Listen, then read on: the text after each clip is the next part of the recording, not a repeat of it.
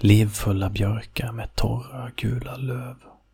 Solrosor som slokar och blommor som den skrivande mannen inte har lärt sig namnen på sträcker sina beprydda vackra huvuden mot himlen, mot skaparen, över alla skapare. Plasttunna med vatten står upp och nervänd vid busken. Snåriga träd med räfsor och torra pallar under sig. Buckliga skottkärror. En vilande gräsklippare.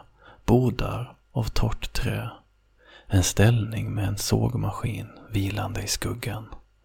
Bräder och spånskivor sågade. Allt närmare kommer vi mannen som vilar i skuggan. Som en förbrytare i sitt hörn av landskapet sitter poeten som tagit sig rätten att berätta för allt och alla om livet. Om den lilla plätten land som han beskådande lånar. Han har ingenting att överlämna till sina söner. Inget namn, inget land, inte ens sin hand som håller pennan.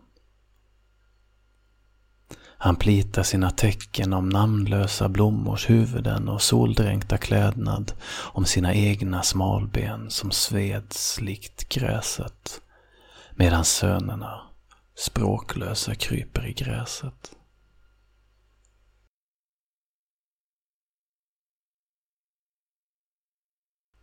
Gud är hård och mild och stark och medmänsklig, dömande och nådefull.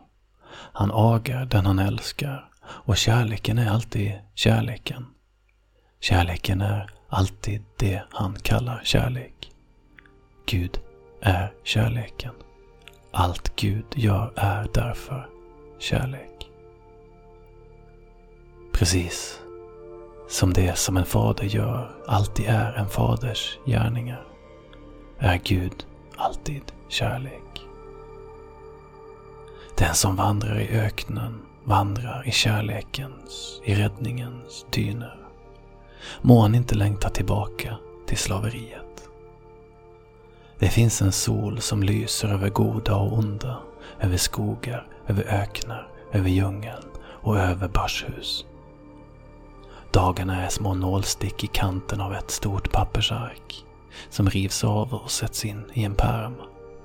Livets bok är fyllt av perforerade ark utdragna med varsam hand, skrivna med en handstil som känns igen